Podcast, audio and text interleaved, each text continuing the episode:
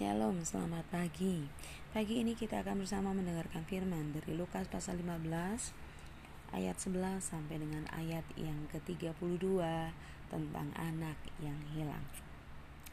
Kalau kita melihat kembali dari berbagai banyak kenyataan, kita akan mendapati bahwa cerita tentang anak yang hilang adalah cerita yang sangat populer.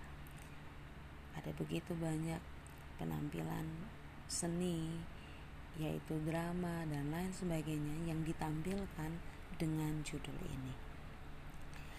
Kalau kita bandingkan dengan kehidupan kita, kita akan menemukan bahwa apa yang dilakukan oleh sang anak bungsu sebenarnya merupakan gambaran dari kehidupan setiap kita sebelum kita percaya kepada Yesus. Tetapi pagi ini kita mau melihat seperti apa pun seorang anak bungsu, bapaknya tetap mengasihinya. Kalau kita perhatikan, cerita ini dimulai dengan seorang anak yang meminta harta warisan bagiannya kepada bapaknya. Kita tahu latar belakang bahwa jika ini dilakukan ketika sang ayah masih hidup, maka ini dapat disebut sebagai sebuah tindakan yang kurang ajar. Tetapi di dalam ayat 12 di sana dikatakan bahwa bapaknya setuju untuk membagikan apa yang menjadi hak dari anak bungsu.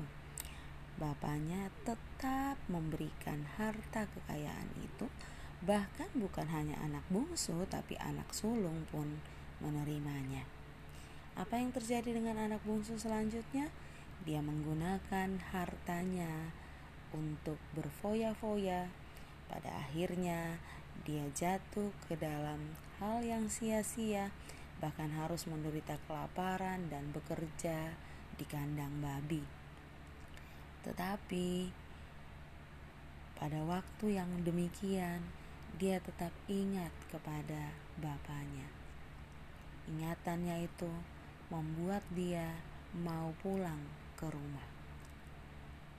Perhatikan apa yang dilakukan oleh sang bapak untuk seorang anak yang kurang ajar yang meminta harta sebelum waktunya yang uangnya habis untuk berfoya-foya dan pada akhirnya jatuh pada kemiskinan.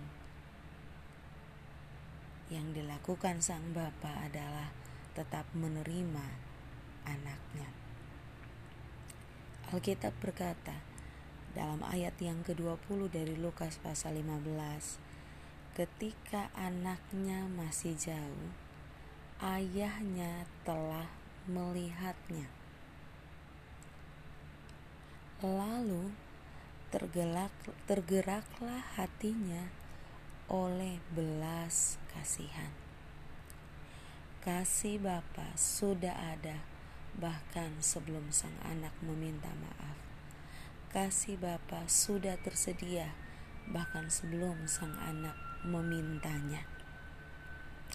Selanjutnya dikatakan ayahnya itu berlari mendapatkan dia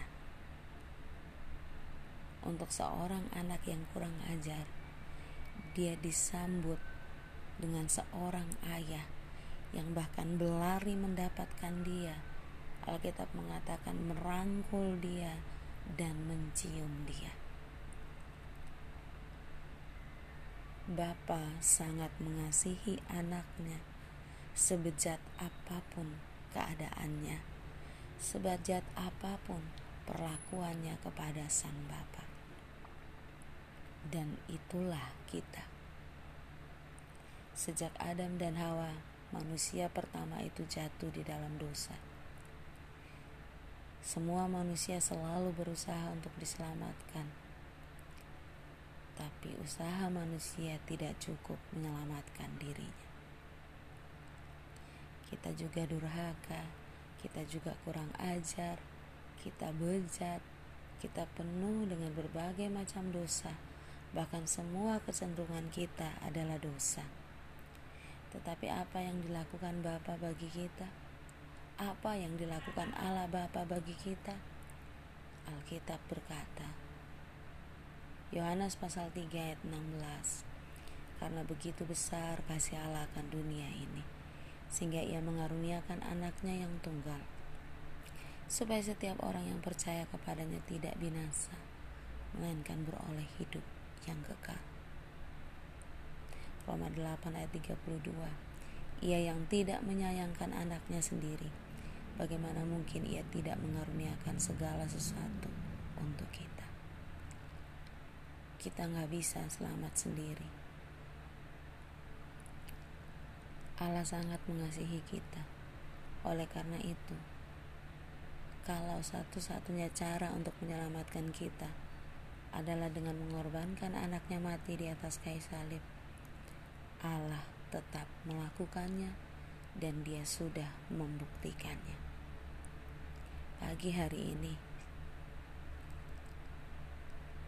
renungkan apa yang dikatakan firman Tuhan ini tentang kasih Tuhan.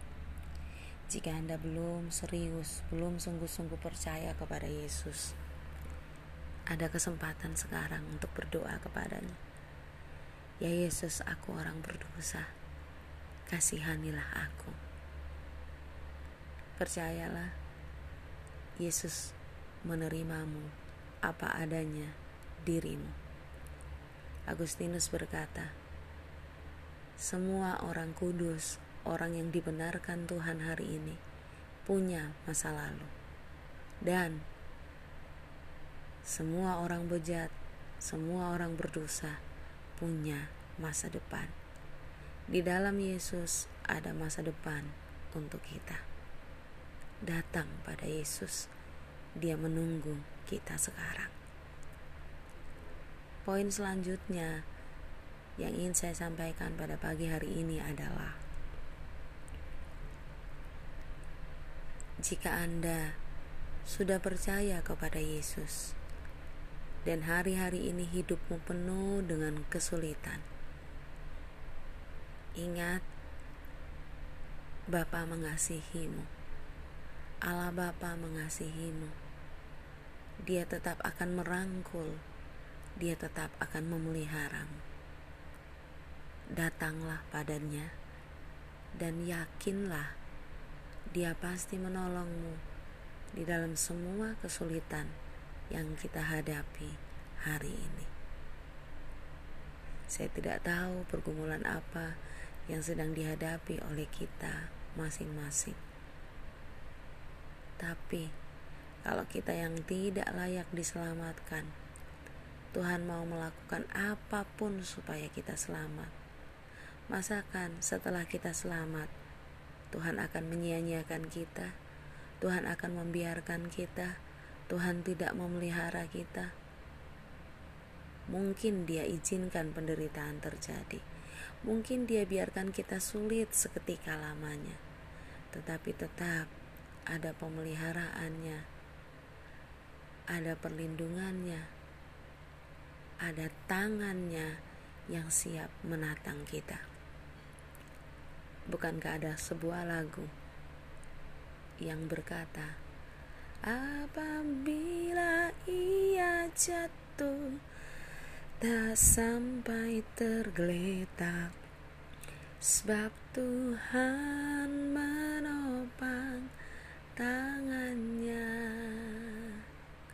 Kalaupun kita jatuh karena penderitaan kalaupun kita sulit karena masalah kalaupun kita kesepian karena sakit penyakit ingat ada tangan Tuhan yang menatang kita menggendong kita kita tidak akan pernah tergeletak.